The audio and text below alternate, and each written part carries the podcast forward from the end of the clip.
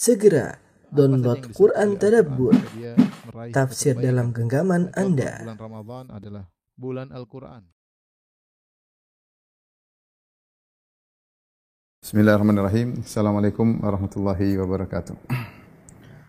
Alhamdulillahi ala ihsani wa syukru lahu ala taufiqihi wa amtinani. Asyhadu an la ilaha illallah wahdahu la syarika lahu ta'ziman li sya'ni wa asyhadu anna Muhammadan abduhu wa rasuluhu da'ila ridwani. Allahumma salli alaihi wa ala alihi wa ashabihi wa ikhwani. Para dokter yang dirahmati Allah Subhanahu wa taala, juga para pemirsa yang dirahmati oleh Allah Subhanahu wa taala. Kita lanjutkan bahasan kita tentang tradisi-tradisi jahiliyah, masail jahiliyah yang harus dihindari oleh eh, kita semua yang disebutkan dalam Al-Quran maupun dalam hadis-hadis Nabi dalam bentuk celaan kepada mereka. Di antara perkara-perkara jahiliyah, kita sampai pada perkara yang nomor 40, itu ta'til. Ta'til maksudnya menolak adanya eh, Tuhan ya. Kaqauli ali Fir'aun, seperti perkataan eh, pengikut Fir'aun ya. Pengikut Fir'aun. Yang di mana eh, Fir'aun menolak adanya Allah Subhanahu wa taala.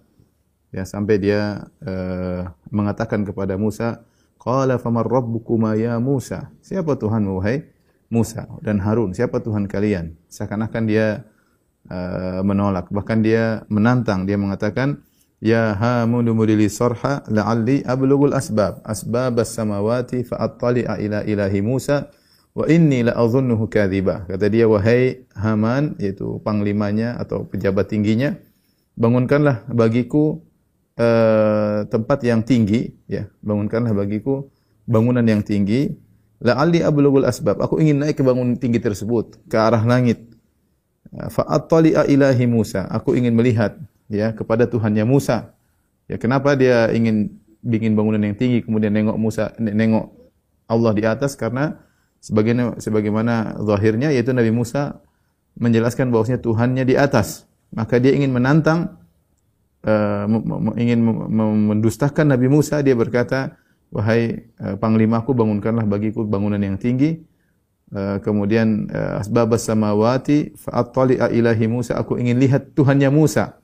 Wa inni la adhunnuhu kadziba menurutku dia hanya pendusta. Tuhannya itu tidak uh, tidak ada. Ya, ini dalil bahwasanya uh, Fir'aun menolak adanya Tuhan. Bahkan dengan sombongnya dia mengaku saya yang Tuhan dia.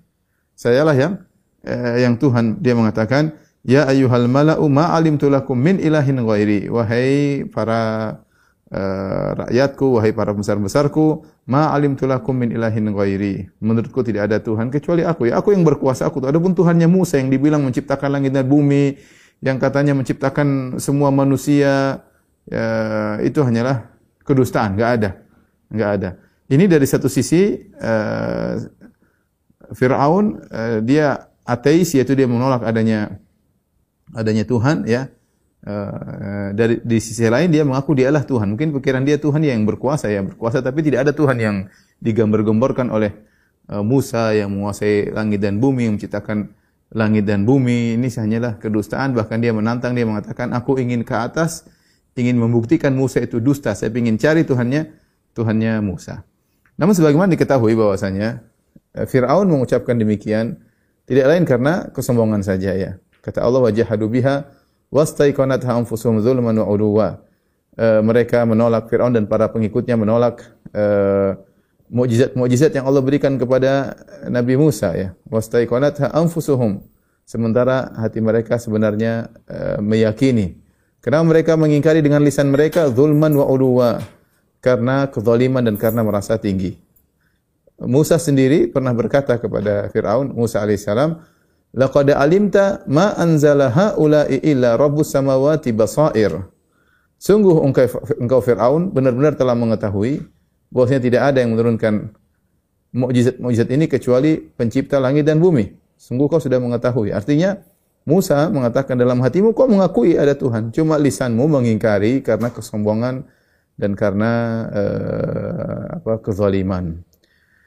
Ini menjelaskan kepada kita bahwasanya uh, uh, pemikiran ateis ya uh, sebenarnya uh, hanyalah kesombongan yang keluar dari mulut seseorang. Kalau dia mau mengecek kepada kemurnian hatinya, pasti hatinya mengakui ada, ada namanya Tuhan ya.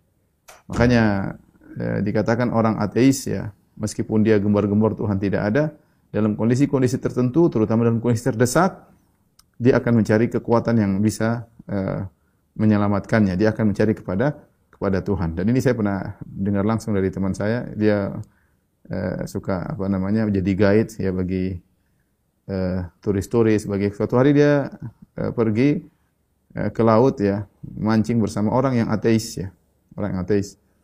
Kemudian ketika ombak besar menghantam mereka, ya teman saya berdoa kepada Allah. Dia juga ternyata mencari ya Tuhan. Dia bicara padahal dia ateis. Kalau biasanya ngaku tidak ada Tuhan. Tapi dalam kondisi terdesak, dia mencari sesuatu yang bisa menolong dia entah kekuatan apa pun. Dan itu nurani manusia, tidak bisa di sulit untuk dihilangkan, sulit untuk di, dihilangkan. Allah mengatakan am khuliqu min ghairi syai'in am humul khaliqun? Apakah mereka diciptakan tanpa ada yang tanpa ada yang menciptakan? Am khalaqus samawati wal ard? Ataukah yang mereka menciptakan langit dan bumi ini? Jadi secara naluri semua orang tahu bahwasanya tidak mungkin uh, ada semua ini dari tidak ada menjadi ada kecuali ada yang menciptakan dan dialah yang pertama ya, yang wujudnya harus ada yang merupakan uh, titik terakhir dari sumber-sumber wujud dan dialah Rabbul Alamin. Ini sudah saya bahas panjang lebar dalam uh, pembahasan masalah ateisme dan juga syubhat-syubhatnya. Uh, tapi intinya bahwasanya uh, ber, berlagak sok kemudian ingin menolak Tuhan itu sudah ada sejak zaman uh, Fir'aun. Sudah ada sejak zaman Fir'aun meskipun Allah sebutkan nurani mereka sebenarnya mengakui adanya uh, adanya Tuhan. Kalau kita telusuri uh, apa namanya uh, sebab ateis ya ada beberapa sebab ya disebutkan oleh para ulama ada tiga sebab kenapa sampai orang terjerumus dalam ateisme ya di antaranya yang pertama adalah karena sebab uh, syahwat ya. Dia tidak ingin terkekang ya, ingin tidak ingin terkekang, uh, kemudian uh, ini tidak boleh, itu tidak boleh, maka dia ingin bebas lepas. Ya, kalau dia masih terkekang dengan syariat, maka dia tidak merasa tidak bahagia, merasa uh, syahwatnya tidak bisa dia salurkan seenaknya, maka dia harus memaksakan dirinya untuk menolak adanya Tuhan. Ini sebab utama. Setelah itu dia akan mencari syubhat untuk memantapkan dirinya bahwasanya Tuhan tidak ada. Tapi asal muasalnya dia dari syahwat, pingin bebas, pingin melakukan apa sih tanpa ada yang mengekang dia. Mau begini, mau begitu, mau begini, mau apa saja, tidak ada yang boleh mengekang. Ini di antara di antara sebab kenapa sebagian orang terjerumus dalam ateis. Dan kenyataannya orang yang ingin cari kebahagiaan dengan menolak adanya Tuhan tidak akan pernah bahagia. Ya, maka banyak di antara mereka yang bunuh diri, banyak di antara mereka hidup stres ya. Eh, tidak ada tempat bergantung mereka karena mereka berusaha menolak Tuhan. Fitrah yang sudah Allah berikan mereka ingin hancurkan fitrah tersebut. Ya, kita dapati ateis-ateis banyak yang bunuh diri ya. Sampai dulu ada seorang tokoh Mesir ya, dia dulunya muslim, kemudian dia tulis buku Limada ana mulhid. Bukunya ada di internet ya. Kenapa saya jadi ateis? Kemudian dalam buku saya baca bukunya. Dia bilang sebagaimana kaum muslimin bisa berbahagia. Dia tidak mencela ya. Dia bilang kaum muslimin bisa bahagia. Saya juga dengan ateisan saya, saya bisa bahagia. Dia tulis, saya juga bahagia kok. Saya punya cara sendiri untuk bahagia. Mereka punya cara, saya punya cara. Terakhir dia meninggal bunuh diri. Terakhir dia meninggal bunuh uh, bunuh diri ya. Jadi orang kalau semakin jauh dari Tuhan, apalagi tidak percaya Tuhan, potensi dia untuk kemudian bunuh diri, stres itu sangat besar, sangat besar. Kita nggak usah bicara orang ateis, orang yang pelaku maksiat saja, yang melakukan maksiat yang lepas kontrol, lupa dengan Tuhan, banyak di antara mereka yang bunuh diri. Apalagi yang tidak percaya sama sama Tuhan. Apalagi kalau dia mau berusaha menghancurkan fitrahnya, tidak percaya sama Tuhan, maka mereka tidak akan mencapai kebahagiaan. Ya, mereka akan uh, justru merasakan kesengsaraan. Jangankan kita bicara tentang ateis yang tidak percaya sama Tuhan, yang percaya sama Tuhan tapi melanggar aturan-aturan Tuhan, ya, bermaksiat dengan sepuas-puasnya, uh, apa namanya, uh, tidak akan mencapai kepuasan. Tidak akan pernah mencapai kepuasan uh, mau berzina, mau apa, mau ini, mau minum khamr, tidak akan pernah mencapai kepuasan. Ini kepuasan saat setelah itu dia sengsara. Dia seng, sengsara, ya. Ini sebab utama kenapa orang terjun dalam ateis karena ingin melepaskan syahwatnya tanpa ada yang menghalangi. Syariat menurut dia hanyalah Tuhan hanyalah menghalangi dia. Yang kedua di antaranya terjadi ateis karena e, perasaan ya. Atifi karena perasaan biasanya dia terkena musibah, terus dia menolak kenapa saya harus ditakdirkan seperti ini? Kenapa ada orang kaya? Kenapa orang miskin? Kenapa saya bagian yang miskin? Kenapa Tuhan tidak sayang sama saya? Dia dia dia ada perasaan sebenarnya tidak belajar tentang masalah takdir, tentang konsep takdir.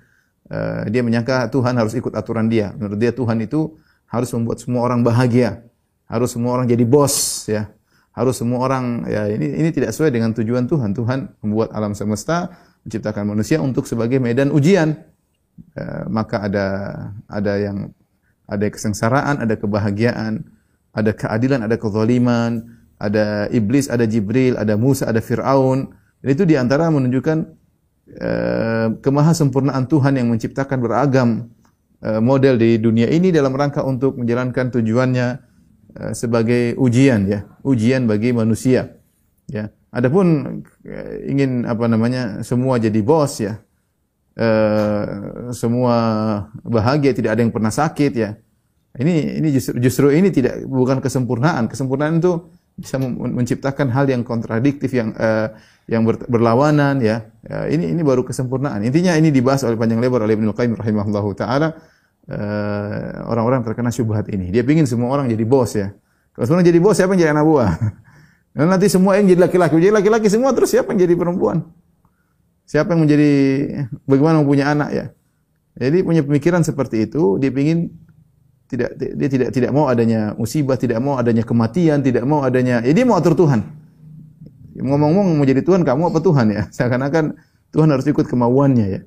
Jadi akhirnya ketika dia terkena suatu musibah, dia tidak kuat, dia tidak percaya sama Tuhan.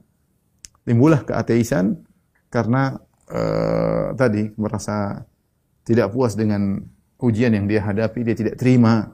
Ini potensi untuk menjadi ateis. Yang berikutnya, Sebab yang ketiga karena memang dia terjebak dengan suatu disebut dengan uh, sebab ilmi yaitu dia punya filsafat tersendiri atau punya uh, pemikiran tersendiri ya. ya. Mas ini banyak ya, banyak seperti eh, pemikiran-pemikiran uh, yang muncul di di dunia barat terutama ketika mereka di zaman tersebut menghadapi ketidakadilan, mereka menghadapi uh, pihak gereja yang yang memberi aturan-aturan yang hanya menguntungkan kepada uh, pihak gereja. Sehingga muncullah protes-protestan protes-protesan kepada aturan gereja. Ada yang menentang menganggap bahwasanya aturan-aturan hukum syariat tidak benar ya. Sehingga mereka tidak menemukan kepuasan dalam uh, dalam aturan tersebut ya.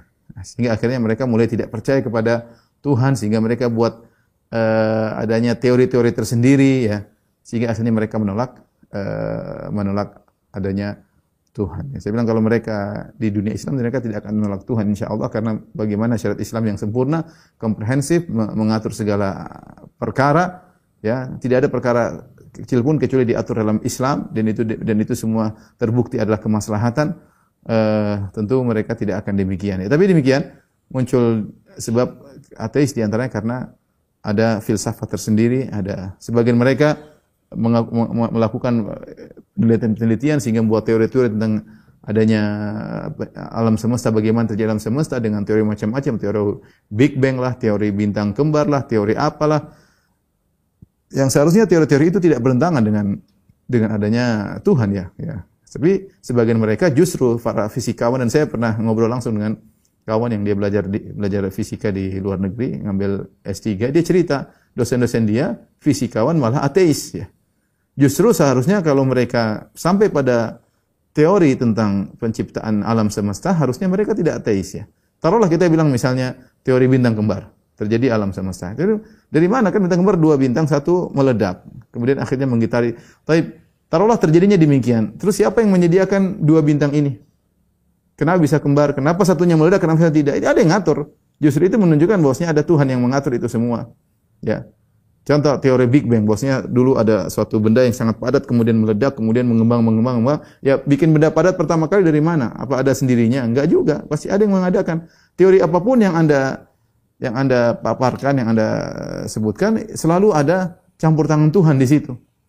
Kalau enggak ada campur tangan Tuhan akan terjadi dengan perkataan terjadi dengan sendirinya. Itu sesuatu yang tidak logis. Suatu yang tidak logis ada perkataan terjadi dengan sendirinya. Kita punya suatu pemikiran yang kita sepakati, suatu tidak terjadi kecuali sebabnya. Ini anak kecil pun tahu. Kalau ada anak kecil kita dorong dari belakang dia jatuh, terus dia tanya kenapa saya jatuh? Ah kamu jatuh sendiri? Ya pasti ada sebabnya. Dia kesandung kayak ada yang dorong dari belakang kayak. Ada pun suatu terjadi tanpa sebab, ini tidak logis. Ini tidak logis. Mau teori apa pun yang Anda ajukan tentang terjadinya alam semesta, pasti ada campur tangan Tuhan di situ. Jadi intinya, eh, ateis ini sudah eh, apa namanya eh, muncul di zaman eh, Fir'aun, eh, tapi Fir'aun menolak adanya Allah Subhanahu wa taala dengan kesombongannya. Dengan kesombongannya, dengan ucapannya padahal eh, dari relung hatinya dia tahu ada Tuhan. Makanya Nabi Musa berkata, "Laqad alimta ma anzala haula'i illa rabbus samawati wal ardi basair." Sungguhnya engkau sudah tahu hai Firaun, tidak ada yang menurunkan mukjizat-mukjizat ini kecuali pencipta langit eh, dan bumi. Tapi ini yang eh, pertama kebiasaan jahiliyah yang harus kita hindari itu eh, berbahaya itu ateis menolak adanya Tuhan. Yang berikutnya yang disebut oleh Syekh Muhammad bin rahimahullahu taala di antara kebiasaan jahiliyah adalah menisbahkan eh, perkara-perkara yang buruk, kekurangan, aib ya, hal-hal yang buruk kepada Allah Subhanahu wa taala. Seperti mengatakan Allah punya anak, seperti mengatakan Allah perlu, uh, seperti mengatakan Allah capek ya. Uh, sementara di sisi lain uh, mereka tidak mau menempelkan sifat-sifat tersebut kepada rahib-rahib mereka. Maksudnya bagaimana? Ini sederhananya Syekh Muhammad bin Wahab rahimahullah menyinggung kaum Nasrani yang uh, yang uh, yang mereka mengatakan Allah punya anak Sementara sebagian pendeta mereka atau pastor mereka tidak mau punya istri, tidak punya anak. Tidak mau punya istri, tidak punya anak. Sebagian pastor mereka kalau dikatakan punya anak dia merasa kurang. Dia merasa dia hebat kalau tidak punya uh, tidak punya anak ya.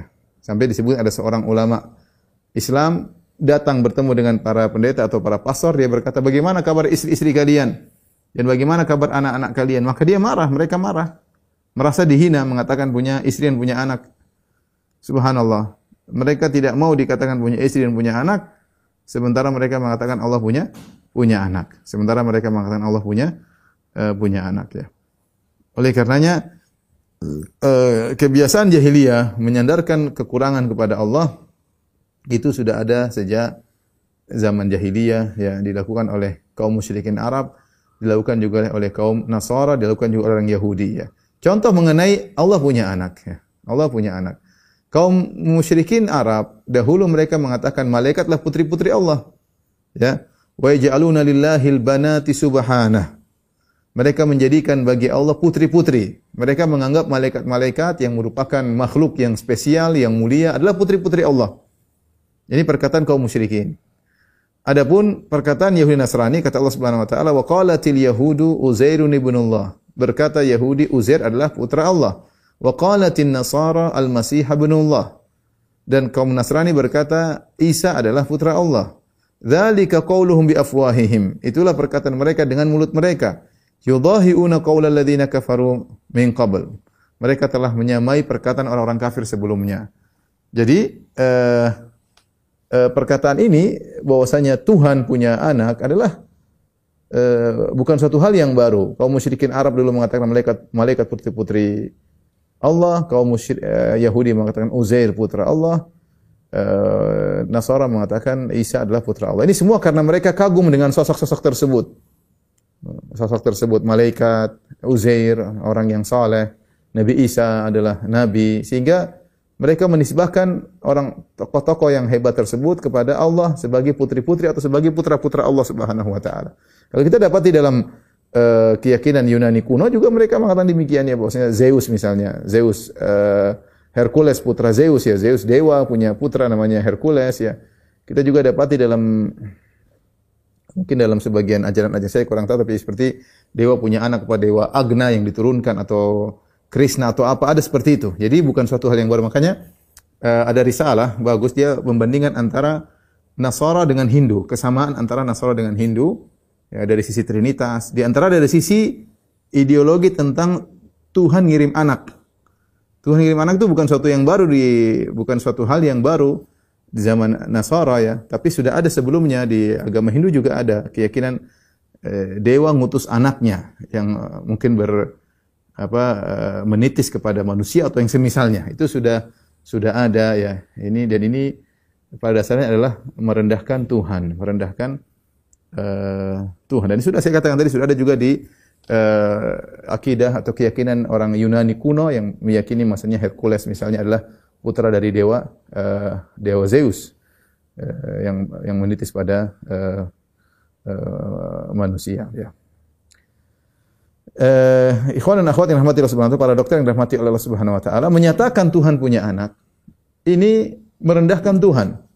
Allah mengatakan kul huwallahu ahad Allahu samad lam yalid wa lam yulad lahu kufuwan ahad. Ketika orang-orang Nasrani, orang-orang musyrikin datang kepada Nabi, dia mereka mengatakan unsub lana rabbak wahai Muhammad, kabarkan kepada kami tentang Tuhanmu. Maka turunlah surat Al-Ikhlas. Yang surat Al-Ikhlas itu khusus menjelaskan tentang sifat-sifat Allah Subhanahu wa taala yang pada hakikatnya Allah sebutkan empat sifat yang itu merupakan kriteria Tuhan. Kalau Tuhan benar-benar Tuhan harus memenuhi empat kriteria ini. Apa? Kul huwallahu ahad. Allah Maha Esa. Yang pertama. Kul huwallahu ahad. Allahus samad. Allah yang tidak butuh kepada yang lain dan semuanya butuh kepada Dia. Lam yalid wa lam yulad, Allah tidak melahirkan dan tidak dilahirkan, wa lam yakul lahu kufuwan ahad dan tidak ada satupun, satupun yang setara dengan Allah Subhanahu wa taala. Kalau Tuhan tidak memenuhi empat syarat ini, dia bukan Tuhan. Saya ulangi, Allah Maha Esa. Yang kedua, dia tidak butuh kepada siapa pun dan semuanya butuh kepada dia. Yang ketiga, dia tidak melahirkan dan tidak dilahirkan. Yang keempat, tidak ada yang setara dengan dia. Kalau ada Tuhan tidak memenuhi ini berarti tidak pasti di Tuhan. Kita kita bicara sebagai kacamata Islam, kita coba paparkan Tuhan mana pun, kita paparkan dengan empat syarat ini. Terolah Nabi Isa. Nabi Isa eh, dilahirkan, ya. kemudian eh, yang semisal dia banyak, yang semisal dia banyak, ya. Nabi Adam malah diciptakan tanpa ayah tanpa ibu.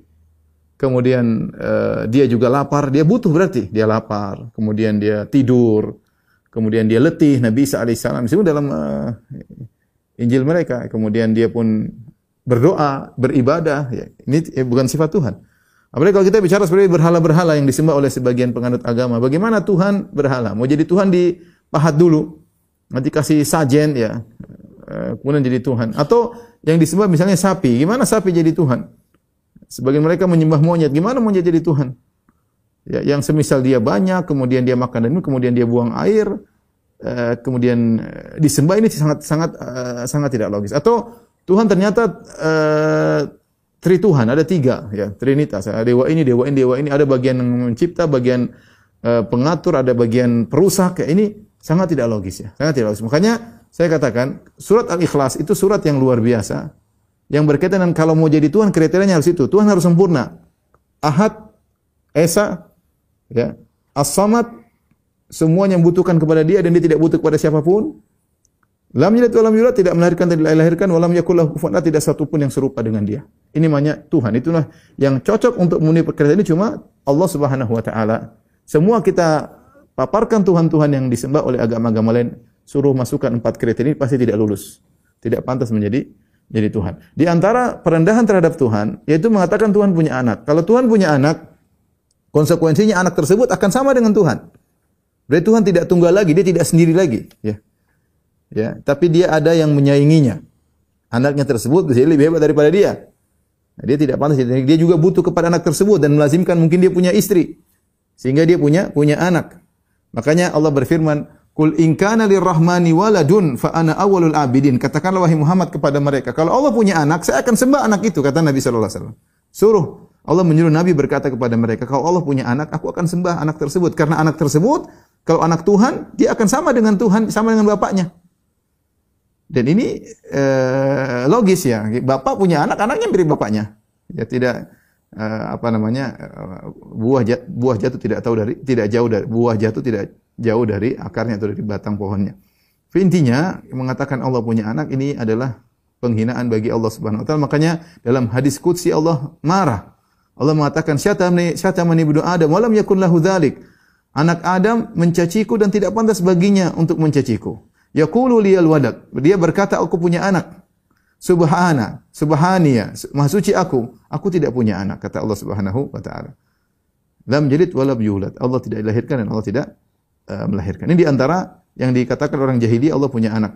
Di antaranya misalnya mengatakan Allah punya uh, Allah letih sebagaimana orang-orang uh, Yahudi yang mengatakan Allah menciptakan alam semesta langit ini dalam waktu enam masa Kemudian mereka punya logika, pada hari ketujuh mereka istirahat. Dan ini masih ter, termaktub dalam Bible, di perjanjian masih ada sampai sekarang ya. Kalau apalagi kalau para dokter kemudian Coba di searching aja, searching Bible pakai bahasa Inggris. Akan disebutkan bahwasanya rest, istirahat, istirahat, istirahat, istirahat. Allah istirahat. Dan dalam terjemahan Bible versi Indonesia yang lama masih ditulis istirahat. Kalau sekarang dirubah jadi apa? Berhenti atau apa gitu saya lupa. Tapi intinya mereka mengatakan Tuhan istirahat pada hari ketujuh sehingga akhirnya mereka juga tidak mau kerja pada hari ketujuh sebagai bentuk uh, solidaritas sama Tuhan. Tuhan aja nggak kerja, kenapa kita mau kerja hari ketujuh? Ya, sehingga mereka tidak mau kerja pada hari Sabtu. Menurut mereka Tuhan istirahat pada hari tersebut. Ini tentu adalah hal yang bertentangan dengan sifat Tuhan. Tuhan tidak boleh capek. Dalam Al-Quran jelas. Kata Allah, wala ya'uduhu hifzuhuma wa huwal aliyul azim. Tidak ada rasa kesusahan bagi Allah untuk menjaga langit dan bumi. Tidak ada kesulitan sama sekali. Ya. Walaqad khalaqana samawati wal arda wa ma bainahuma fi sittati ayyamin wa ma lughub. Kata Allah, sungguh kami telah menciptakan langit dan bumi dalam waktu enam hari dan kami tidak ditimpa dengan keletihan sama sekali. Sebagai bantahan kepada orang-orang yang menyangka bahwasanya Allah Subhanahu wa taala letih setelah menciptakan langit dan bumi dalam waktu enam masa. Dan ini adalah perkataan orang jahili. Allah Allah sempurna. Tidak ada keletihan sama sekali. Inna ma amruhu idza arada syai'an yaqul lahu kun fayakun. Kalau Allah berkehendak sesuatu tinggal mengatakan jadi maka eh, jadilah. Adapun mengatakan Allah punya anak, Allah capek ya, Allah letih. Ya, ini semua adalah perendahan terhadap Allah. Atau ada yang disembah selain Allah. Ini namanya merendahkan Allah Subhanahu wa taala. Bagaimana kemudian orang-orang menyembah Nabi Isa? Bagaimana orang menyembah sapi? Bagaimana orang menyembah pohon berhala? Allah mengatakan, "Wa ma qadarullaha qadri." Mereka tidak mengagungkan Allah sebagaimana mestinya. Wal ardu jami'an qabdatuhu yaumil qiyamah. Pada hari kiamat kelak bumi dalam genggaman Allah. Was samawati matwiyatun bi yaminih. Bahwasanya langit di, dilipat dengan tangan kanan Allah. Allah Maha besar. Bumi, langit semuanya kecil. Allah ciptakan dengan mudah. Kemudian ternyata ada orang-orang berbuat kesyirikan subhanahu wa taala amma yusyrikun. Kata Allah masuk Allah dari kesyirikan. Bagaimana mereka tidak menggunakan Allah sebagaimana mestinya? Mereka justru berdoa kepada nabi berdoa kepada orang mati berdoa minta-minta kepada wali minta-minta kepada pohon kepada batu. Ini mereka tidak menggunakan Allah. Kalau mereka tahu Allah yang menciptakan langit dan bumi harusnya hanya Allah yang disembah. Hanya tempat Allah berdoa. Ini malah berdoa kepada wali berdoa kepada nabi berdoa kepada mayat-mayat ini makanya kesyirikan yang uh, berbahaya ya dan bentuk perendahan terhadap Allah Subhanahu wa taala. Jadi segala bentuk kesyirikan adalah bentuk perendahan kepada Allah Subhanahu wa taala karena kesyirikan artinya menyamakan Allah dengan selain Allah, mensekutukan Allah. Dalam bentuk dalam banyak bentuk di antaranya mensekutukan Allah dalam hal peribadatan. Dia menyembah Allah dan juga menyembah selain Allah. Ya, dia menyembah Allah, menyembah selain Allah. Maka ini adalah perendahan terhadap Allah Subhanahu uh, wa taala. Taib, jadi eh, seorang eh, tidak boleh eh, merendahkan Tuhan, Tuhan Maha Sempurna. Ya, Tuhan melakukan apa yang Dia kehendaki, tentu ada hikmah yang tidak sampai bisa kita pikirkan, ada yang bisa kita pikirkan, ada yang tidak bisa kita eh, pikirkan. Taib di antara eh, bentuk eh, tradisi jahiliyah dilakukan orang Majusi yaitu kesyirikan dalam eh, fil dalam kekuasaan, dalam kepemilikan alam semesta, Orang-orang Majusi adalah yang meyakini Tuhan ada dua. Ada namanya Tuhan cahaya atau Tuhan api, pencipta kebaikan dan Tuhan kegelapan, pencipta keburukan. Ya. Ini dualisme dalam ketuhanan ya. Tuhan ada ada dua. Tentu ini tidak tidak benar ya. Uh, ini kebiasaan orang-orang uh, uh, Majusi ya. Orang-orang Majusi meyakini Tuhan ada ada dua. Kalau Tuhan ada dua ya, berarti uh, akan kacau alam semesta ini ya. Ada dua apa namanya dualisme dalam kepemimpinan ya. Dan ini tidak uh, tidak benar. Yang benar Allah Maha Esa semuanya yang Allah ciptakan semuanya sudah Allah takdirkan yang baik maupun yang buruk dan sungguhnya ada hikmah di balik itu yang tidak kita ketahui. Yang tidak kita ketahui. Oleh karenanya uh, para ulama mengatakan qadariyah adalah majusi umat ini dalam hadis Al-Qadariyatu majusu hadhil ummah. Qadariyah adalah majusinya umat ini. Kenapa dikatakan majusi umat ini? Kata Nabi SAW, In maridu fala ta'uduhum. Kalau mereka sakit maka jangan dijenguk. Karena mereka mengatakan tentang uh, alam semesta bahwasanya Tuhan tidak menciptakan keburukan. Kata mereka Tuhan hanya menciptakan kebaikan. Mirip seperti mirip seperti orang-orang Majusi meskipun tidak sama seperti orang Majusi tapi mereka terkena syubhat yang sama Ya kata mereka, kalau ada kebaikan Allah takdirkan, kalau ada keburukan bukan takdir Allah Subhanahu wa taala. Nah, kalau bukan takdir Allah berarti siapa yang ngatur? Sekarang ada Tuhan yang lain. Ya. Kita dalam Islam kita nu'minu bil qadar khairi wa syarrihi. Kita beriman kepada takdir yang baik maupun yang buruk. Semuanya sudah ditakdirkan oleh Allah Subhanahu wa taala. Ada hikmah di balik itu, namun kita tidak mungkin tidak paham. Kenapa Allah ciptakan iblis? Allah menciptakan iblis. Iya, Allah ciptakan iblis. Kita yakin tersebut. Bukan iblis muncul sendiri, Allah ciptakan iblis. Iblis minta izin untuk menggoda manusia, Allah izinkan. Tentu ada hikmah di balik itu, ya. Meskipun mungkin kita nggak nggak paham, tapi kita meyakini yang menciptakan iblis, yang menciptakan Firaun, yang mengizinkan iblis untuk menggoda anak-anak Adam adalah Allah Allah Subhanahu wa taala. Jangan seperti orang Majusi menyatakan ada Tuhan cahaya menciptakan kebaikan, keburukan diciptakan oleh Tuhan kegelapan. Ini kejebak dalam pemikiran inilah orang Qadariyah. Mereka mengatakan Tuhan tidak pernah semua keburukan di alam semesta ini bukan kehendak Tuhan.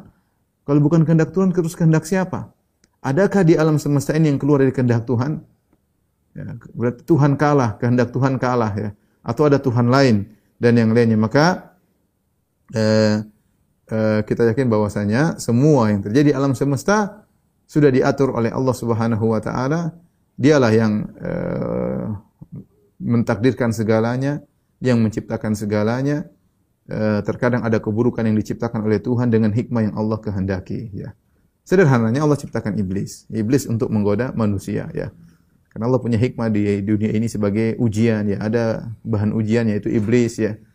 Uh, kemudian dari di balik ujian itu ada banyak hal yang dikehendaki oleh Allah Subhanahu wa taala, ada surga, ada neraka, ada orang-orang berjuang di jalan Allah Subhanahu wa taala, Kemudian ada orang yang berkorban dengan hartanya untuk uh, bersedekah. Uh, ada orang yang berdakwah. Kalau tidak ada iblis semua cerita selesai ceritanya. Iblis ini salah satu uh, bahan kejadian banyak perkara ya. Allah ciptakan iblis ada hikmahnya. Intinya ini di luar kemampuan kamu tanya kenapa Allah ciptakan iblis di luar di luar nalar, nalar kita ya. Dan kita bilang Allah ciptakan dan Allah izinkan iblis menggoda, demikianlah kehendak Tuhan. Nanti kalau kamu ketemu Tuhan kamu tanya langsung.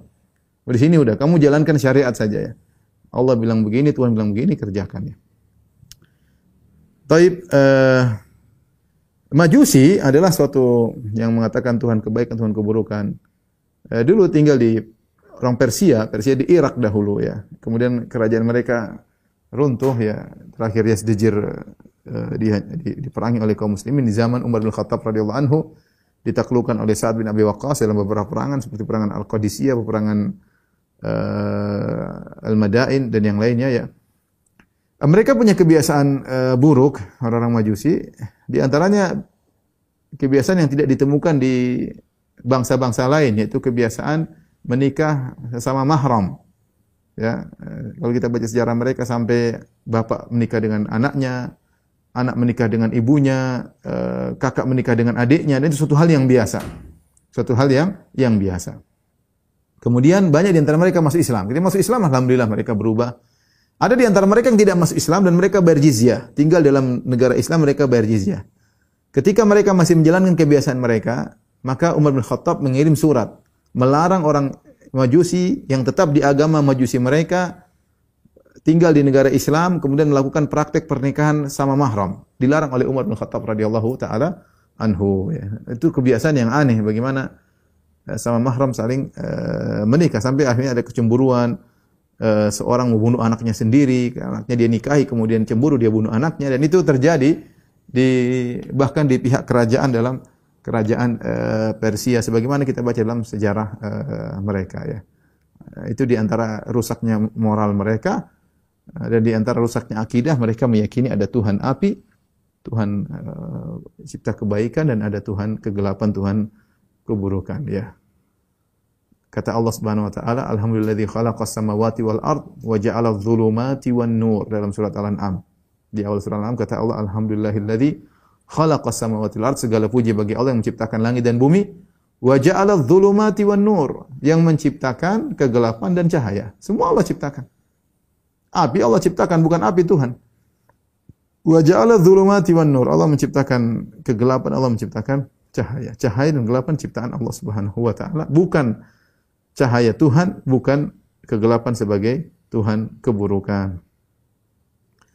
Tapi uh, para dokter dan juga para miskin rahmati Allah Subhanahu wa taala eh, di antara eh, kebiasaan orang-orang eh, jahiliyah ya adalah eh, di- mereka menolak takdir, mereka menyangka bahwasanya semua terjadi di alam semesta tanpa ada yang mentakdirkan dan ini bertentangan dengan rukun Islam, rukun iman yang keenam.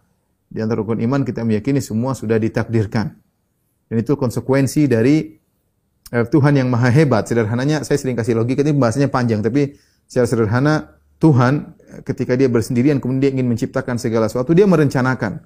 Dia merencanakan apa yang akan dia kerjakan, apa yang dia ciptakan, kemudian diciptakan sesuai dengan perencanaannya. Kalau kita katakan ini kalau kita bahasa ini- kita analogikan dengan manusia, insinyur yang hebat ketika dia ingin membuat sesuatu, ya, dia benar-benar m- menggambarkannya, kemudian dia pasang RAB-nya, kemudian dia eksekusi persis seperti apa yang dia rencanakan. Itu namanya insinyur yang yang hebat. Dia takdirkan sebelum dia eh, dia rencanakan sebelum dia eksekusi, dia rencanakan segalanya dengan dengan pas ketika dia bisa mengeksekusi sesuai dengan apa yang direncanakan, kita bilang insinyur hebat. Tapi ini jarang terjadi. Seringnya meleset, seringnya ini tidak sesuai, ada luput dari pengetahuannya, ada bagian yang peritil-peritil yang dia tidak tahu di luar daripada eh, apa namanya dugaan atau terlalu cepat atau terlambat dan itu banyak terjadi namanya manusia tidak tahu hal tersebut. Nah, keti- beda ketika Tuhan yang eh mengkreat kemudian eh, kemudian merencanakan semuanya ya. Kemudian Tuhan catat perencanaan tersebut di Lauhil Mahfuz.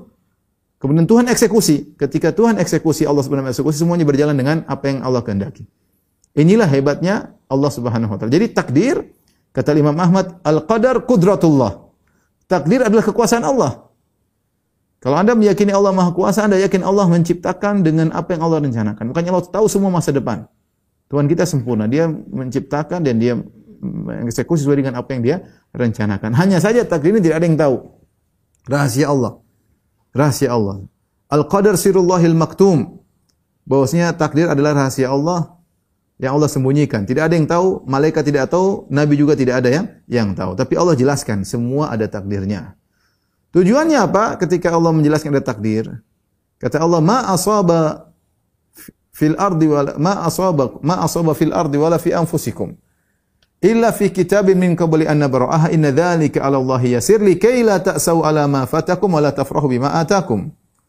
Wallahu la yuhibbu kulla mukhtalin fakhur.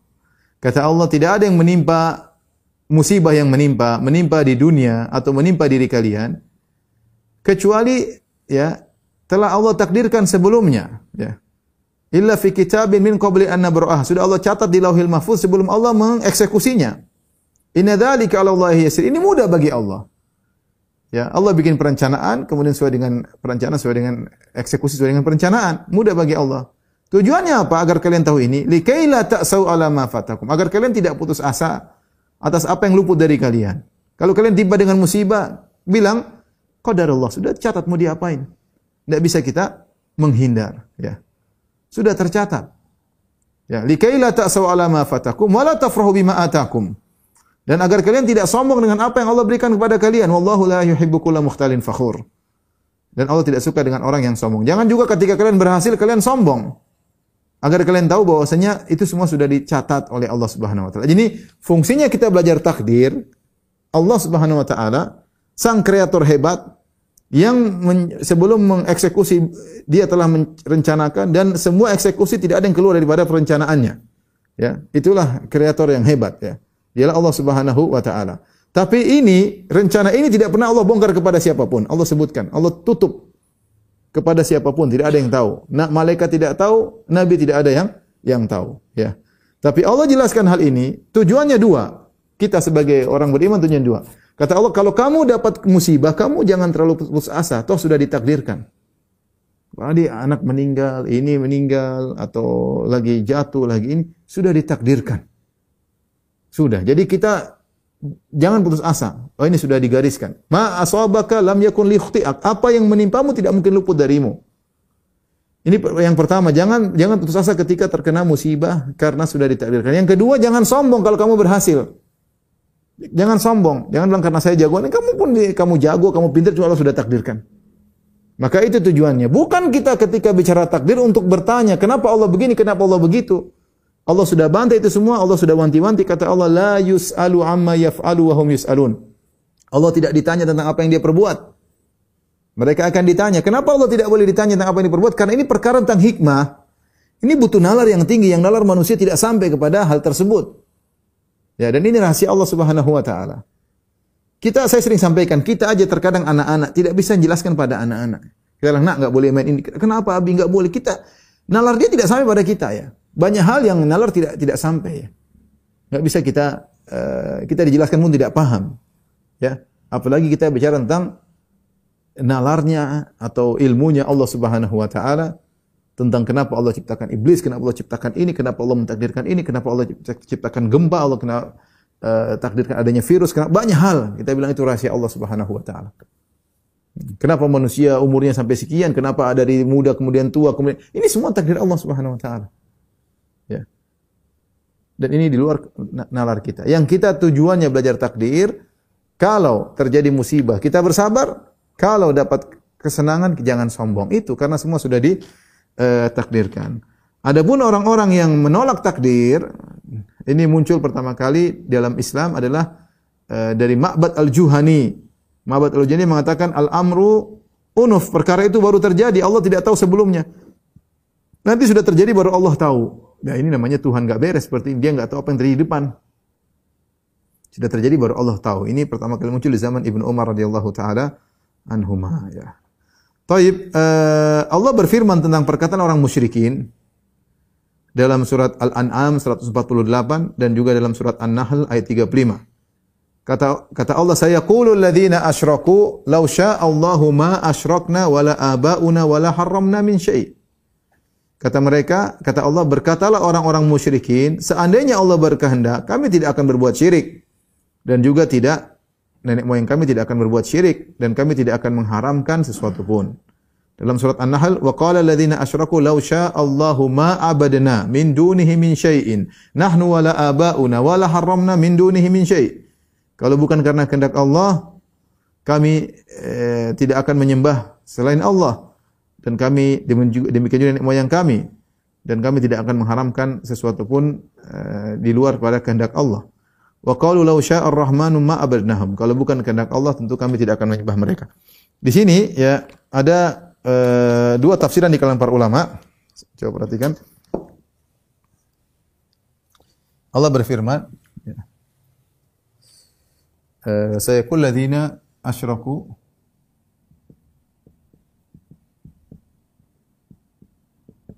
Lau Allahu ma asyrakna wala abauna. Berkata orang-orang musyrikin,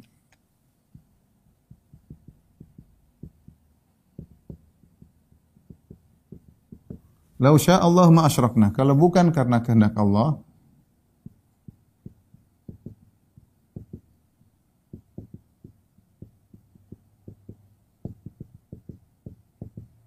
tentu kami tidak musyrik. Tidak juga nenek moyang kami.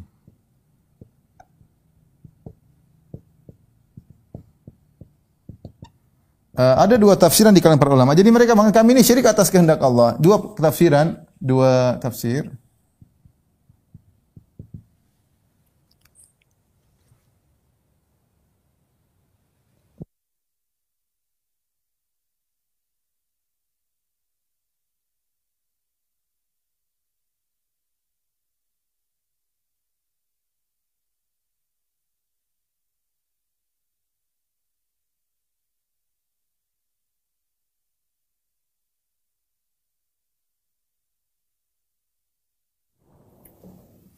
Uh, tafsiran pertama,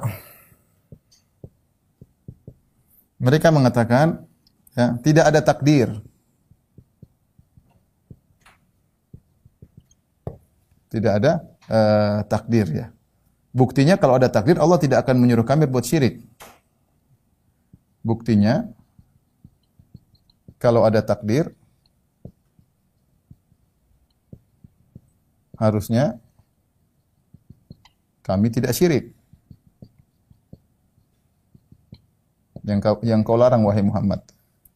Pendapat kedua, eh, Allah artinya kami pendapat kedua terkebalikan. Kami syirik sesuai dengan takdir Allah.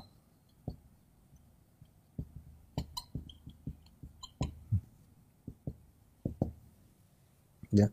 Walau sya'allahum walau sya'ar rahmanu ma'abrinahum. Jadi kalau Allah berkehendak kami tidak akan menyembah berhala-berhala tersebut. Ini dua dua perkataan orang musyrik yang dibantah oleh Allah Subhanahu wa taala, ya. Kita katakan dalam dalam Muhammad Ahlus Sunnah wal Jamaah, benar semua sudah ditakdirkan. Ya, kalau ini jelas salah, tidak ada takdir, ini jelas uh, ini salah ya. Salah ya, karena semua sudah dengan takdir. Yang kedua, ini apa sih berdalil berdalil dengan takdir untuk maksiat. Ini juga tidak boleh. Ini juga tidak tidak boleh. Benar bahwasanya semua sudah iblis sudah ditakdirkan. Ada seorang akhirnya minum khamar sudah ditakdirkan, seorang terjerumus dengan zina sudah ditakdirkan, tapi seorang tidak bisa berdalil dengan hal tersebut. Kenapa? Karena dia tidak tahu takdir tersebut. Bagaimana dia berdalil dengan sesuatu yang dia tidak ketahui. Lagi pula yang kedua, dia tidak dipaksa. Ya. Yang di hadapan kita syariat, Allah sudah jelaskan kamu ingin masuk surga ada jalannya. Wahadainahun najidain, kami beri petunjuk dengan dua jalan. Mau masuk surga jelas, masuk neraka jelas. Kita tidak pernah terpaksa kita. Kita bisa milih, mau ngaji-ngaji, enggak, enggak. Baca Quran mau enggak, mau nonton, mau lihat yang baik, mau lihat yang haram, kita punya pilihan. Enggak ada yang maksa kita. Seandainya kalau kita terpaksa, enggak ada hukumnya. Allah maafkan, kalau terpaksa ada orang maksain kita untuk melakukan maksiat, atau suruh minum khamar, kalau enggak dibunuh, kita minum khamar enggak apa-apa, karena kita terpaksa. Ada hukumnya dalam Islam, Allah maafkan wa mastukrihu alaihi. Semua yang dipaksakan dimaafkan. Tapi kita menyadari kita tidak terpaksa. Kita tidak ada iblis datang kemudian dorong kita. Tidak ada. Iblis cuma bisik-bisik. Tapi kita yang memilih. Kita memilih. Meskipun semuanya sudah ditakdirkan oleh Allah Subhanahu Wa Taala, namun kita punya pilihan dan kita tidak boleh berdalil dengan takdir karena kita berdalil dengan sesuatu yang tidak kita ketahui. Tidak mungkin. Nanti ketemu Allah seorang minum khamar, dia bilang, ya Allah saya sudah ditakdir minum khamar ya. Kau dari tahu dari mana takdirmu begitu? Orang kan nggak tahu. Kau milih sendiri kok. Ada pilihan mau minum khamar atau enggak, berzina atau tidak ada pilihan, mau korupsi atau tidak ada pilihan. Tidak ada yang maksa. Kita bisa memilih. Kalau kita terpaksa enggak ada hukumnya. Oleh karena di antara kebiasaan orang musyrikin, mereka berdalil dengan takdir untuk melegalkan apa yang mereka lakukan. Ini diikuti oleh Jabriyah, ya. Ini diikuti oleh diikuti oleh golongan yang namanya Jabriyah. Jabriyah ya.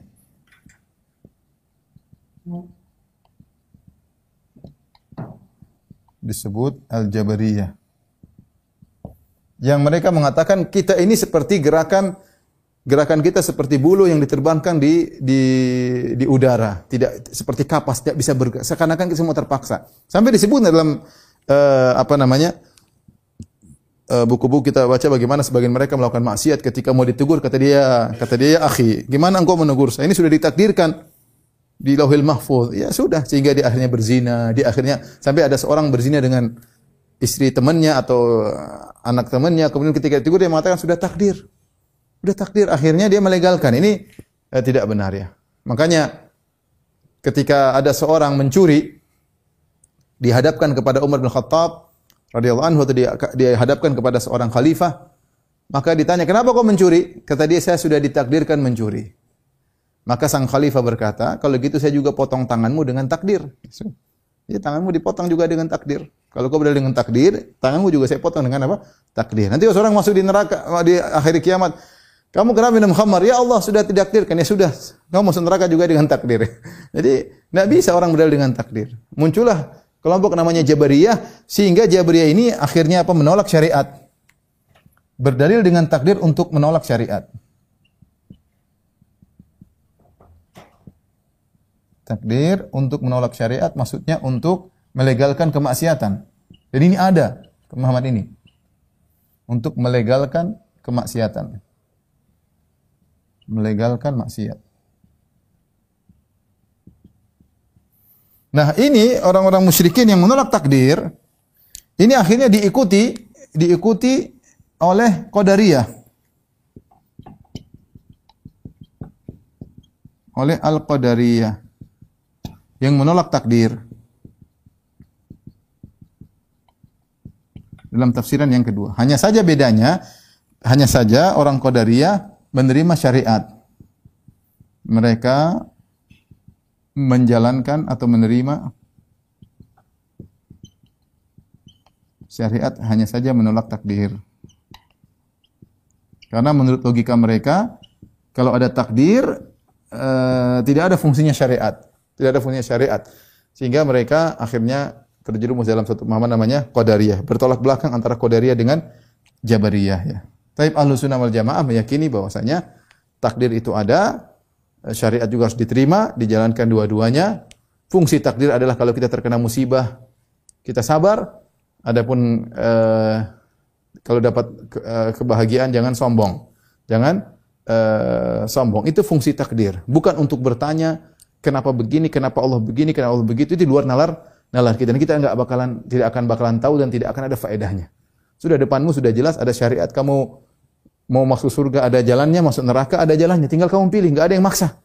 Enggak ada yang uh, yang maksa. Tapi kalau kamu kena musibah jangan jangan terus asa. Kalau kamu dapat kebahagiaan jangan uh, jangan sombong.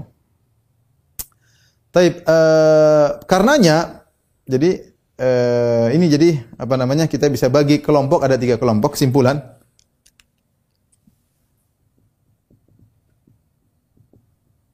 ada tiga kelompok. Pertama, Al-Qadariyah. Ini apa? Menerima syariat. Menolak takdir. Yang kedua, Al-Jabariyah. Menolak syariat. Itu apa namanya eh, kemudian eh, menerima takdir dan berdalih dengan takdir untuk melegalkan maksiat.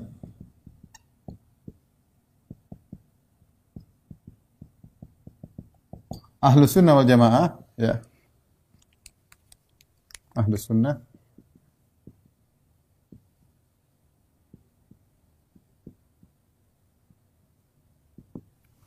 Eh, menerima syariat kemudian apa? E, menerima takdir. Tujuan menerima takdir adalah jika terkena musibah tidak putus asa. Tujuannya ini tidak putus asa.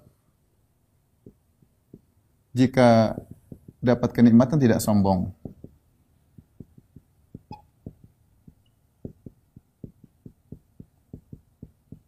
yang kedua tujuan ini Allah sebutkan dalam surat Al-Hadid, ma asal musibatin fil ardi wala fi anfusikum illa fi kitabin min qabli nabra'aha. Sebentar. Inna dzalika 'ala yasir. Saya ingin tahu ayatnya. Nomor berapa? Al-Hadid. Hmm.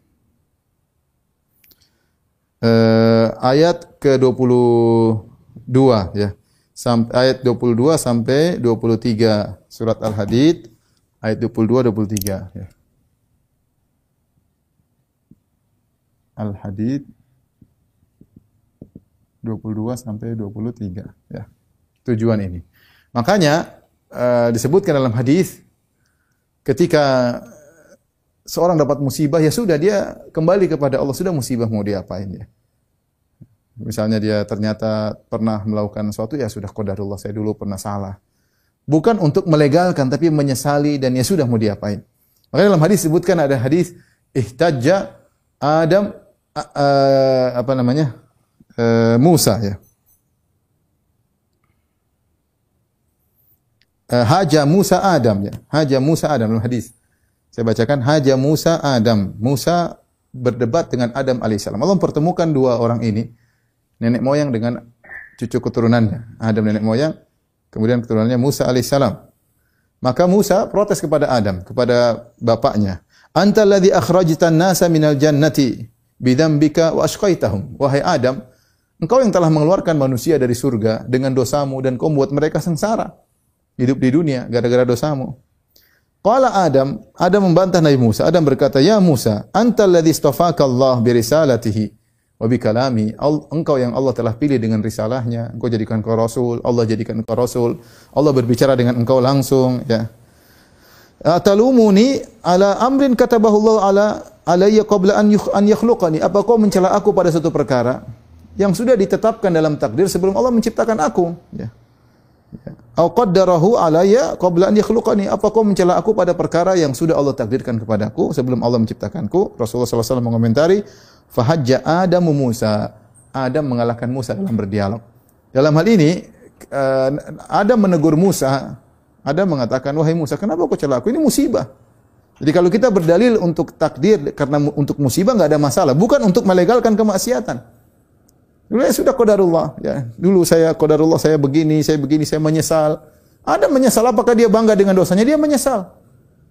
Dia bertobat kepada Allah Subhanahu wa taala turun ke muka bumi, kemudian datang anaknya Musa protes eh, apa menegur gara-gara engkau, maka Nabi Adam membantah. Ini sudah Allah takdirkan. Bahkan semenjak Allah ingin menciptakan manusia, Allah sudah kabarkan kepada manusia kepada malaikat, "Inni ja'ilun fil ardi khalifah." Aku akan menciptakan manusia yang tinggal di bumi. Tapi proses pertamanya dia di langit dulu, kemudian turun ke bumi. Sudah ditakdirkan oleh Allah Subhanahu wa taala. Ya, bahwasanya Adam dulunya di surga, kemudian bermaksiat, kemudian digoda oleh iblis, kemudian turun ke bumi. Allah sudah sebutkan sebelumnya keluar malaikat. Malaikat tidak tahu bagaimana caranya, tapi Allah bilang, "Aku akan menciptakan khalifah di atas muka bumi itu yang akan tinggal di atas muka muka bumi, maksudnya Adam dan keturunannya." Ternyata Allah ciptakannya bukan di bumi, Allah ciptakannya di langit. Allah masukkan surga, Allah suruh malaikat sujud kepada dia. Ini bagaimana ceritanya bisa ke, ke bumi? Allah sudah atur. Allah sang kreator, Allah sang perencana, Allah sudah mentakdirkan. Ternyata dengan skenario yang Allah sudah tetapkan, yaitu iblis kemudian menggoda Adam, akhirnya Adam tergoda makan buah tersebut, akhirnya turun dengan eh, ini semua sudah ditakdirkan. Makanya Adam ketika ditegur oleh oleh eh, Musa Adam mengatakan alaihissalam kepada Musa alaihissalam, atalumuni eh, ala ma qaddarallahu alayya qabla an yakhluqani. Kau mencela aku pada sesuatu yang sudah Allah takdirkan kepadaku sebelum Allah menciptakan aku. Jadi kalau kita terkena musibah kita boleh berdalil dengan takdir, tapi yang tidak boleh berdalil dengan takdir untuk melegalkan maksiat sebagaimana orang-orang Jabariyah ya. Sebagaimana orang Jabariyah. Dan kita ahlu sunnah meyakini bahwasanya kita tidak terpaksa. Kita bisa milih. Kita bisa milih. Mau begini ada pilihan, mau begini ada pilihan. Tidak bisa kita berdalil dengan takdir. Karena takdir satu hal yang tidak kita ketahui. Dan Allah berfirman, La yus'alu amma yaf'alu wa hum yus'alun. Allah tidak ditanya tentang apa yang dia lakukan. Tapi kalian akan di- ditanya. Taib. Wallahu alam bisawab. Demikian saja apa yang disampaikan. Kurang saya mohon maaf uh, kepada para dokter urologi dan juga pada pemirsa. Insyaallah kita bertemu di kesempatan yang lain. Uh, wabillahi taufiq wal hidayah. Assalamualaikum warahmatullahi wabarakatuh